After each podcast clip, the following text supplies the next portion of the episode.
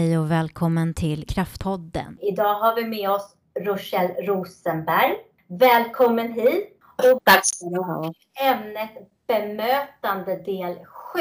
Presentera lite kort om dig själv.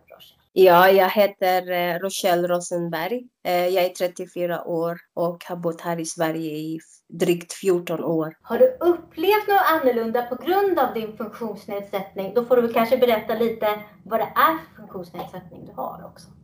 Jo, Um, jag har en PTSD på grund av en uh, trauma som jag hade upplevt för länge sedan när jag var 18 år. Ja. Det är funktionsnedsättning kanske med den är ju är att jag blir lite osocial. Um, jag blir lite misstänksam mot andra och det finns olika saker kanske man uh, har svårt att handskas med. Mm.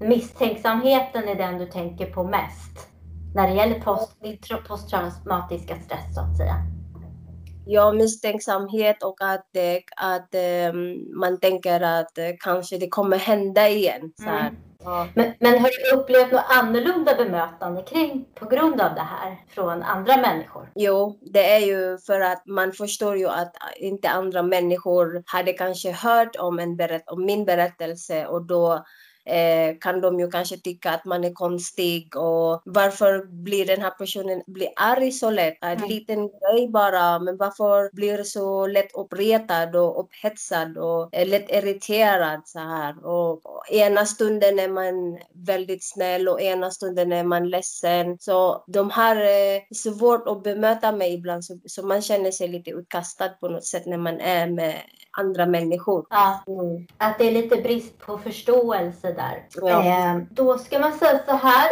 Har du upplevt något sammanhang där bemötandet har varit positivt på grund av din, eh, den här posttraumatiska? Alltså det, positivitet med det kanske är att man lär sig att sakta ned med sig själv och ha lite mer förståelse för det man känner att eh, man får ta det lugnt ibland. Att det är mm. okej okay att man blir ledsen. Det är okej okay att ibland det funkar inte som det ska. Det är okej okay ibland att, att inte alla förstår och jag behöver inte göra jaga upp det. Mm. Ja. Och eh, det positiva kanske också är att när eh, andra människor frågar, eh, får jag bara fråga varför känner du som du känner? Och hur kan du förklara det för mig så att jag kanske kan anpassa mig nästa gång? Så. Ja, att det finns människor som har bemött dig på det sättet att de försöker ta reda på varför du beter dig. Ja. ja men det är, har du funnits sammanhang där du känt att du har varit negativt bemötande på grund av det här? Jo, ibland så tänker man ju varför just, eh, varför eh, måste jag känna så här och varför måste jag uppleva så här? Man tänker ibland att trots att det är så traumatiskt kan jag inte bara skifta bort det så att jag behöver inte bli eh, som en zombie framför människor. Jag behöver inte typ vakta mig själv. Det känns som jag vaktar mig själv från någon annan som inte jagar mig. Nej. lite konstigt. Nej, men, negativt liksom. Ja, och, men det var ju lite som du var inne på där att, att människor kan, vissa kanske liksom har, har lite bristande förståelse för dig så att säga ibland. Vad har dessa erfarenheter gjort med dig som person tycker du? Ja, eh, jag tycker att man får ju ha en bred eh, utmaning till eh, andra människor. Att man, får, man får ibland hålla sin mun innan man säger någonting för att man vet inte vilka människor man, bemö man bemöter eller man möter i, i sitt liv. Liksom. Ibland så kanske vissa människor har ännu svårare än, än oss. Och då mm. kanske reagerar de på ett annat sätt och då, är det, och då när man säger saker kanske är det vi som orsakar att de blir ännu värre. Ja. Att du har liksom mer reflekterat genom sådana här frågor. Ja. Genom den här posttraumatiska. Ja. Precis. Jag blev med kanske eh, mer eh, öppet för medkänslighet och lite mer känslomässigt när andra människor talar, då, då lärde jag mig liksom att, att lyssna också. För det är det som saknas hos mig från andra, andra människor. De har inte tid att lyssna. Det enda de vet är att man är jobbig. Liksom. Ja. Så, mm. Så ödmjukhet ska man säga från din sida också, att du lärde dig genom det. Är det någonting som du skulle vilja ändra på kring det här med bemötande? Som du tänker att varför det här skulle jag vilja ändra på när det gäller folk och hur de bemöter mig eller andra som har funktionsnedsättningar? Jo, det är ju så här att ibland så, så, när vi ser människor med funktionsnedsättning oavsett, eh, på vissa kan det ju ses så fysiskt, men på andra kan man inte se det fysiskt. Som mig då, jag ser väldigt eh, eh pigg ut, så här sprallig, men man vet ju inte vad det är för sort av person. Och då tänker jag liksom att eh, utmana andra människor. Att in, ibland våra ögon ska, ska inte döma, eh, utan vi måste bemöta personerna på hur de är och ha mm. lite breda, vad heter det, mera förståelse och tålamod liksom mm. om när de möter människor. För att det finns människor till exempel som man möter, de är väldigt överallt och kanske själv är man inte det. Man får vara tålmodig för kanske man möter bara den personen en gång. Man vet inte om man möter den en annan gång. Nej. Och då på en gång kan man ju ha lite mera bredare kunskap om den personen. Men man får försöka liksom att eh, ha den här uh, lång, vad heter det, tål, tålmodig. Alltså, man får ha tålamod, förståelse och ha en öppenhet i sina tankar och inte bara ja. döma snabb med ord och och med, med, sina ögon. För blicken ibland kan döma så snabbt och det är eh, sårande. Liksom. Mm. Det, mm. Jag håller med dig om det. Absolut. Är det någonting du ska säga till människor som inte har funktionsnedsättningar? Nu har du nästan sagt det, men det kanske, du kanske har mer du vill säga där. Alltså, för mig, liksom, man vet inte, men man kan inte, man är aldrig livet. Man måste ha en, eh, man måste ha en förståelse för andra, för det, du vet inte om, det, om du kommer hamna i den situationen. Hur skulle du känna, du som är frisk och aldrig har varit med om något traumatiskt i ditt liv och så plötsligt händer någonting. Hur ska du relatera dig till det själv? Och hur, ska, hur skulle du önska att andra skulle bemöta dig? Mm. Så du är den personen där ute som är så frisk och, och ibland slänger kanske ord och skojar kanske om vissa saker som handlar om människor som har funktionsnedsättning. Eh, du borde kanske tänka lite till. Ja. För att, eh, först och främst måste du tänka om människovärdering. Ja. Vår människovärdering handlar inte om fysiska nedsättningar utan våran, eh, hur säger man, etikett kan man säga. Mm. Våran attityd, våran karaktär. Mm. Och man måste någonstans kunna växa upp sig liksom. Mm. mm. Vad bra, kloka ord från dig Rochelle, absolut.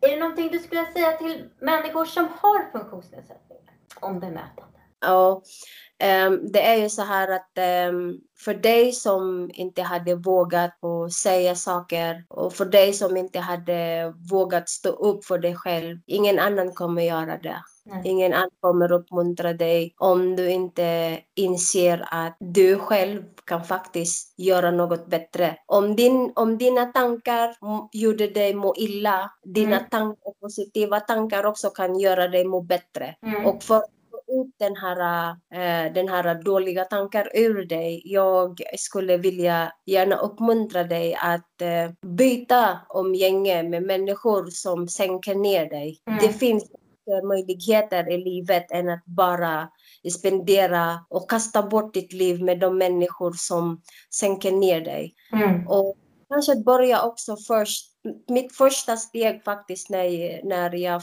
när jag hade blivit medveten om min PTSD är att det första jag, jag muttrade förut var negativt. Men ah. blev medveten, det här är min uppmuntran till dig som upplever det, det här svåra saker oavsett funktionsnedsättning du har. Mm. Tänk på alla bästa saker och varje dag träna på och tacka. Mm. Tacka, eh, tacka den hög, hög, högsta makten som hade gett den till dig.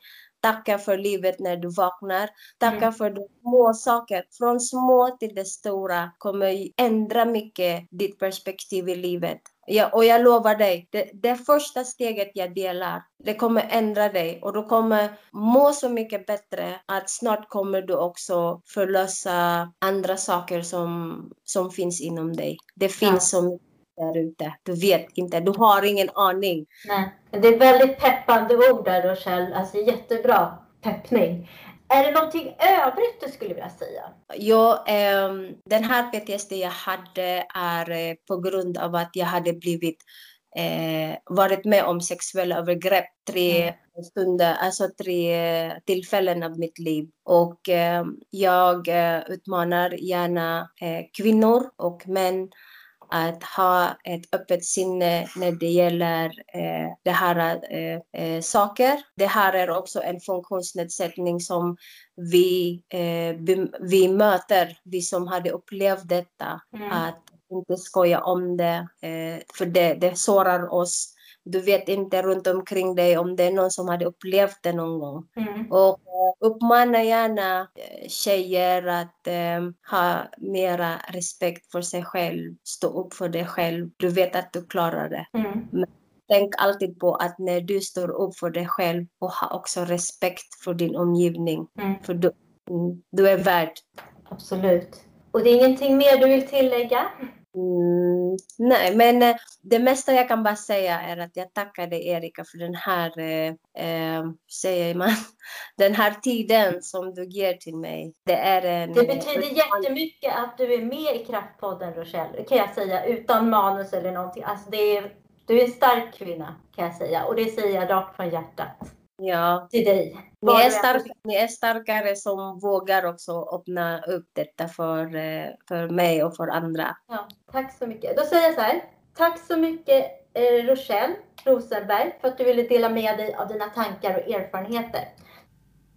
Hej och välkommen till Kraftpoddens summering av ämnet bemötande del 7 med Rochelle Rosenberg som gäst 2 november 2020.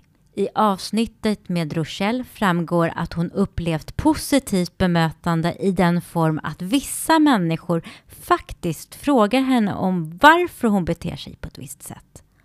Och att det visar den goda viljan att faktiskt försöka anpassa sig efter situationen. Det negativa bemötandet hon har upplevt är att vissa människor ifrågasätter hennes beteende och påpekar att de tycker att hon, hennes humör pendlar upp och ner. Det gör att hon känner sig utanför bland människor. Hennes erfarenheter har gjort att hon lärt sig att sakta ner i livet och att hon har en mer öppen ödmjukhet inför andra människor. Till människor som inte har funktionsnedsättningar vill hon säga, tänk på vad ni säger om funktionsnedsatta människor. Att inte ha roligt på dess bekostnad. Tänk på ditt människo, din människovärdering. Hur skulle du känna om något hände och ändrade ditt liv. Till andra människor som har funktionsnedsättningar vill hon säga byt umgänge som sänker ner dig. Tänk på saker som är positivt, även små saker inom dig. Försök att vara tacksam för det. Hon önskar att människor bemöter mer med öppenhet och tålamod. Hoppas att ni som har lyssnat har tagit till er Rochelles berättelse. För det har vi, Erika Nordström och Tapio Aho gjort. Tusen tack! Om ni vill vara med i och delta i detta ideella men viktiga projekt. Alternativt att ni har idéer som ni vill dela med er av. Skriv till kraftpodden snabelaoutlook.com. Följ oss även på Facebook eller Instagram. Tack för att ni har lyssnat.